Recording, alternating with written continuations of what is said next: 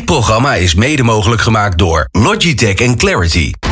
Dit is Marketing Report op Nieuw Business Radio. Ja, en we gaan nu even lekker verder praten met mensen die uh, staan voor merken. Dat zijn Marille Slenders van A.S. Watson en Bob Posma van Coca-Cola. Even uh, een vraag. Uh, zouden jullie jezelf willen introduceren met wat je precies doet voor het bedrijf waar je voor werkt? Marielle. Ja, ik werk voor uh, AS Hotsen. Dat is de moedermaatschappij van uh, Kruidvat, Trekpleister en ook Easy Paris.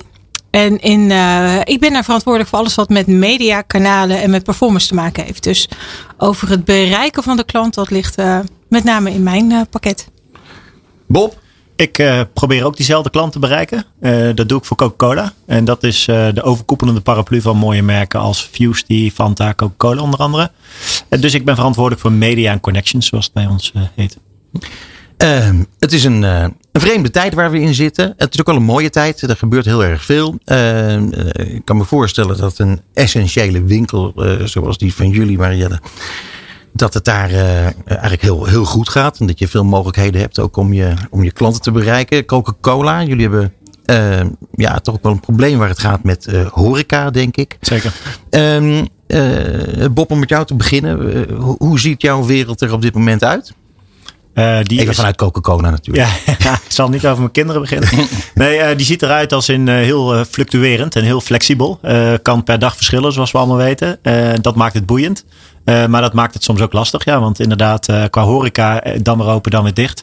is voor ons wel een heel pijnlijk gegeven. Wat ja. moest je opeens anders doen, Bob? Wat Afgelopen zaterdag al opeens natuurlijk weer de persconferentie. En wat, wat, wat ja, gebeurde er toen met nou, je telefoon en met de collega's? Gelijk spoedoverleg? Ja, we, hadden, we hebben veel activaties, ook rondom kerst, richting de consument. Dus ook gewoon het land in. Nou ja, dat kan dan niet meer. Uh, dus dat moet je dan weer aanpassen. Ja. Uh, dus dat trek je dan weer terug. Uh, en zo zijn we eigenlijk continu aan het schakelen. Dus we hebben inderdaad veel meer dan in het verleden appgroepjes en contacten, ook in de weekenden. Want ja, corona wacht niet tot al het maandag is. Nee. nee kan me voorstellen. En, en waar ik altijd even benieuwd naar ben, uh, ik hoop dat het mag van Peter. Is, ja, mag is, alles. We kijken ook soms natuurlijk even terug. Hè. Nu kijk ik ook een beetje naar, naar voren. Wat is nou echt het verschil met een jaar geleden? Ben ik echt benieuwd naar bij jullie. Uh, als je een beetje kijkt naar de eerste uh, lockdown, zeg maar. En nu zijn we, nou, we zitten nummer drie, nummer vier. Ja, ik denk dat je ook zelf wel persoonlijk merk ik dat je gewoon een stuk relaxter wordt, zou ik bijna zeggen, op die veranderingen. Ja. Het is niet meer dat je door het, uit het veld geslagen wordt. Mm -hmm. Dat was natuurlijk bij zo'n eerste lockdown, was iedereen in totale paniek. Uh, wisten ook echt niet wat we moesten doen. Nu zijn we eigenlijk voorbereid en weten we ook vaak wat voor scenario's we zouden kunnen uitrollen. Neem een lockdown, dat je dan uh, ja, andere keuzes maakt, wat ik uh, eerder aangaf, ja. op bijvoorbeeld out of home gebied. Juist. En bij Marielle ben ik ook natuurlijk benieuwd naar ja, voor ons niet anders. We hebben op een gegeven moment vorig jaar ook wel eens met onze ogen gerold van nou, er komt scenario 6 aan. Ja. Maar uiteindelijk pak je nu inderdaad weer je scenario's terug uit de kast. En uh, ben je er allemaal beter op voorbereid. En kun je gewoon beter daarop schakelen voor uh, mensen intern. Hè? Want het vraagt wel van de mensen intern, ook van de mensen in de winkel. Mm. Maar ook voor de consument. Dus makkelijker en duidelijk communiceren. En ook de consument lijkt er uh, bijvoorbeeld gewend aan te raken. Dat ze de handen moeten wassen. Dat ze een mandje moeten pakken. Dat ze afstand moeten bewaren. Dus ja, ja. we zijn gewend. Precies, dat kan me iets wel voorstellen. Ja. Ik vind ook ja. dat er in de winkels, uh, moet ik zeggen, goed mee om wordt gegaan bij jullie. Dat, uh, dat valt me echt op. Um, jongens, uh, er gaat van alles veranderen. Er komt een, een cookieless wereld komt eraan. Dat gaat voor jullie wel wat betekenen, denk ik, of niet? Ja, uiteindelijk zou die er nu al aankomen. Hè? Dus ja. wij um, zijn ons een jaar geleden al gaan voorbereiden. Hebben we een roadmap gemaakt. Hoe gaan we straks cookieless adverteren? Dan hebben wij... Um, denk ik het grote voordeel dat wij uh, veel first party data hebben, waar we ook direct op kunnen schakelen. Maar ja, je hebt nog steeds van een hele hoop consumenten dat niet. Dus wij hebben die roadmap al gemaakt. Ik denk dat we 80% klaar zijn voor 2023.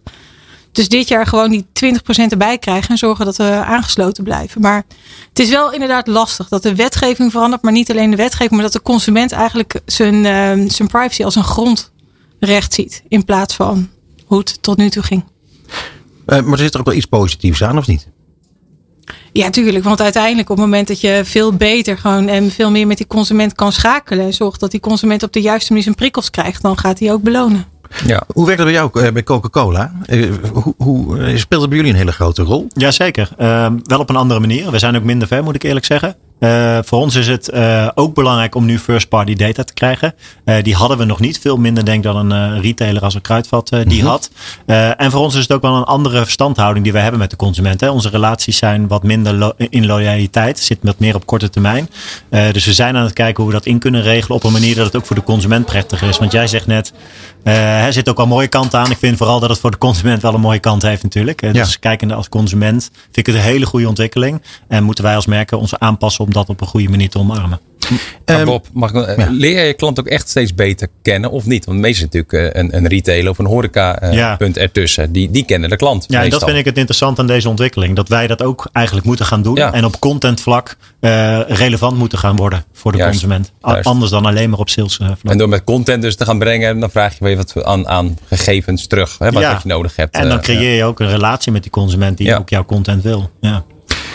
Ik kwam tot de conclusie dat uh, het er eigenlijk op neer gaat komen dat volgens mij, uh, voor wat betreft advertising, hè, uh, het communiceren met je doelgroepen, dat we een beetje teruggaan naar hoe de reclamebureaus werkten in de vorige eeuw.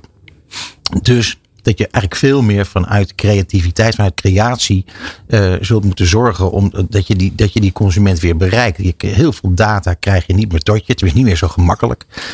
Uh, gaan jullie daarin mee met, in dat idee? Marielle? Ja. Ja, gedeeltelijk. Want die consument die je kent, daar kun je natuurlijk heel gericht op gaan consumeren. Uh, gaan, uh, die kun je heel gericht, gericht gaan bereiken. Maar de mm -hmm. consument die je niet kent, daar komt denk ik het ouderwetse, of hè, wat we ouderwets zien, maar misschien nieuwerwets is het ouderwets denken van uh, vroeger heette dat omveldplanning. En je zorgt dat je boodschap aansloot bij je omveld, uh, bij je doelgroep. En nu heet dat dan contextual, dat je daar meer zowel in kanaal als, als in boodschap gaat zoeken. Mm -hmm. Maar ik geloof dat het en-en is, dat het niet uh, los is. Dus het is en creativiteit, maar ook gewoon zorgen dat je um, het juiste contact hebt. Mm -hmm. Maar versterkt dat ook jouw band, Marielle, met jouw leveranciers? Eigenlijk, omdat je meer contextual, je gaat dus wat meer misschien wat vertellen over producten of wat kun je ermee en dergelijke. Dus uh, je, je, natuurlijk zie ik altijd al die combinatie met jou en een leverancier, maar wat in mijn geval vaak meer op actie, op prijs. En zie je nu ook dat je die slag op content maakt? Daar ben ik eigenlijk benieuwd naar. Ja, er gaat weet je, uiteindelijk is retail media is natuurlijk een kanaal wat steeds meer komt. En dat is een mm -hmm. andere manier van samenwerken met de leveranciers dat we tot nu toe doen. Dat staat een beetje buiten de samenwerking die je nu hebt. Maar ja. dan ga je inderdaad veel meer op uh, je, je relevantie en je merk en je, je branding zitten. Mm -hmm. uh, en natuurlijk koop je dat meestal dan in de promotie. Ja, ik maar ben het met je eens. Ik zie ook twee vormen van relevantie eigenlijk. Ja. Dus meer de salesgedreven relevantie waarbij je een promotie aan kan prijzen. Ja. Tot aan het contentverhaal waarmee je relevantie creëert door een verhaal te vertellen wat aansluit bij de behoeften van die consument. Ja. En zie je dat bij jou ook steeds meer, Bob?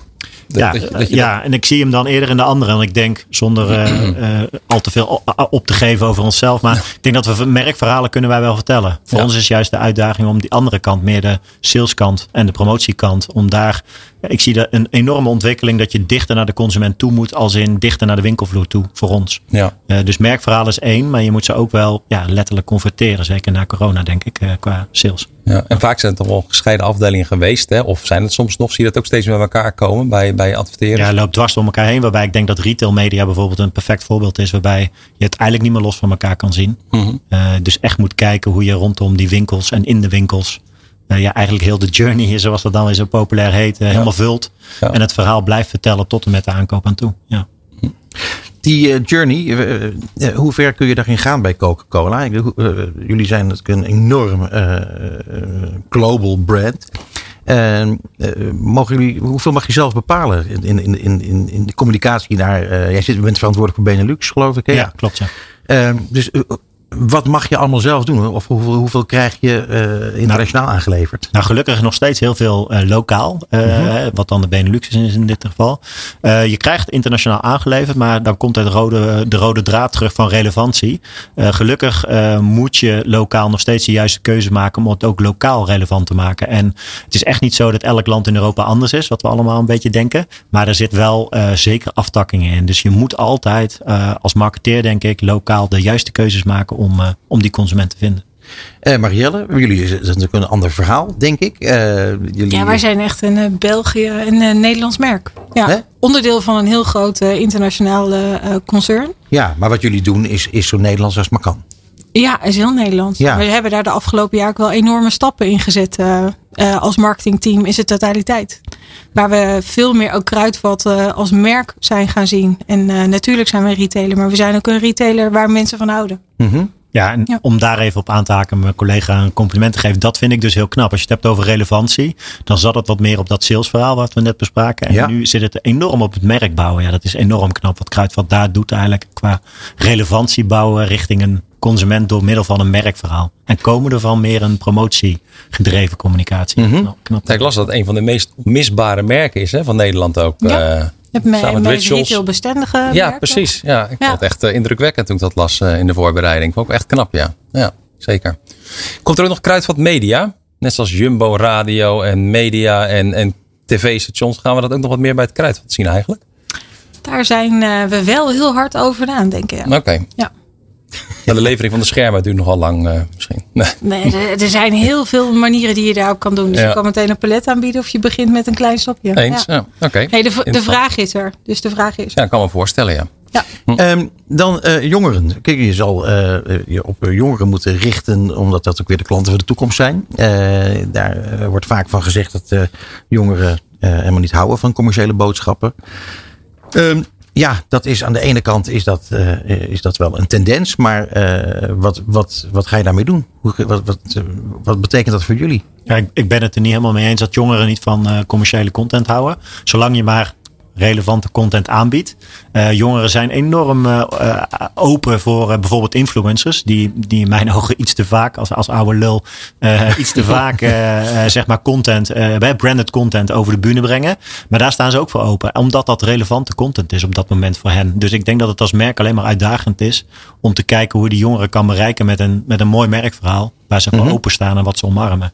Uh, dus dat, is, dat vind ik juist een van de dingen die mij bijvoorbeeld heel jong houden. Dat je daar continu over na moet denken. Ja. Hoe je die 13 tot 18-jarige. Uh, en doe je onderzoek naar? Jazeker, heel ja. veel onderzoek. En waar zij zich bezig mee houden. Want ik denk wel dat je uit moet kijken dat marketing niet een vak wordt wat uh, gedaan wordt door mensen die uh, op een kantoor zitten, zoals wel vaker gezegd wordt, maar die een leeftijdsschat hebben van 25 jaar met die doelgroep die ze denken te kunnen bereiken. Dat mm -hmm. kun je nooit zelf bedenken. Marielle? Die 13 tot 18 jaar is voor ons de doelgroep die dan bij ons de eerste make-upjes koopte. Uh, wij richten ons daar niet heel specifiek op. Dus ik denk dat wij vanaf 18 jaar en ouder wel meer, uh, wel meer gaan doen. Uh, ik moet zeggen dat ik zelf al als uh, performance is ook echt een enorme driver voor, voor mezelf. Dat ik, wij doen ook veel een influencer marketing. Maar heel af en toe vind ik daar de ROI. Hè, hoe je dan bepaalt of dat goed is of dat juist is. Ja, dat vind, ik, dat vind ik nog lastig. Vind ik echt een lastige die ook gewoon wel met het marketingteam uh, besteedt. En het is, het is vaak een soort van hè, hip, dat moeten we doen om die jonge mensen te bereiken. Maar het lijkt ook wel of het weer zo breed wordt dat je um, het maar oppakt, maar niet twijfelt af en toe. Dat ik af en toe twijfel aan, uh, aan de effectiviteit. Dus ja, het moet, maar in ja. hoe grote schalen het moet, dat weet ik nog niet. En dan kijk ik ook eens, even Bob aan. Eens, en wij doen het heel veel. En wat wij ook gezegd hebben, want ik ben het eens met het vluchtige gedrag misschien van heel veel influencers. Ja. Wij zijn langdurige samenwerking aangegaan. Dus wij werken eigenlijk altijd op jaarbasis met influencers, waardoor we heel het jaar met ze dingen doen. En niet per campagne even vluchtig uh, een merk eraan plakken. En ik denk dat dat alleen al meer credibility geeft eigenlijk ja. aan zo'n influencer. Hey, en dan uh, zou ik nog even uh, tenslotte uh, graag vooruit willen kijken naar 2022 en misschien wat verder. Dat we er misschien van uit kunnen gaan dat we ergens in nou, april dat dingen weer eens een beetje normaal worden en dat we eindelijk eens overal van af zijn. Dat hoop ik. Ehm, hoe ziet de toekomst eruit? wat, wat, wat gaan jullie doen? Hebben je daarop ingespeeld dat, het, dat we er straks vanaf zijn, Marielle? Nee. nee, want, want ik denk dat, dat die scenario's die we nu hebben liggen, dat we daar nog wel een aantal scenario's iedere keer van naar boven zullen moeten trekken. Mm -hmm. Ja, dus dat is. Uh, dus beetje, het is nog niet weg, uh, denk ik, komende april. Ik denk wel dat we heel hard iedere keer gaan genieten van als je weer een wat lichter scenario ja. uit de kast kan trekken. Dat we echt daar allemaal naar uitkijken. En dat de consument uh, massaal naar buiten gaat, dan wordt het bereiken van de consument natuurlijk ook weer lastig. Hè? Dus we gunnen het uh, iedereen, maar hoe gaan we ze dan weer zover krijgen om dingen te doen waarvan we willen dat ze doen? Maar ik verwacht niet dat we al zo snel uh, uh, echt hele grote feestjes gaan vieren. Ik denk het ook nog niet, helaas. Uh, nee. Maar we gaan wel feestjes vieren met Coca-Cola. Want die zitten bij hele grote sportwedstrijden. Bob? Ja, klopt, inderdaad. Uh, Olympische Spelen. later ook nog het vrouwen-EK in Londen. En nog later het WK voetbal, inderdaad. en daartussendoor nog heel veel festivals. Maar goed, ja, ik hoop het. Maar ik vrees ook wel een klein beetje dat we toch nog wel de tendens van corona blijven houden. Ik ga ervan uit dat het allemaal doorgaat. En uh, ik gun het jullie, ik gun het ons allemaal, ik gun het iedereen die luistert. Ik dank jullie enorm voor jullie komst naar de studio en naar deze speciale uitzending. Ik uh, dank jullie wel, Marielle Slenders van ES Watson, Bob Posma Coca-Cola en natuurlijk onze enige René Zeedijk van Zicht. Dit is Marketing Report op Nieuw Business Radio.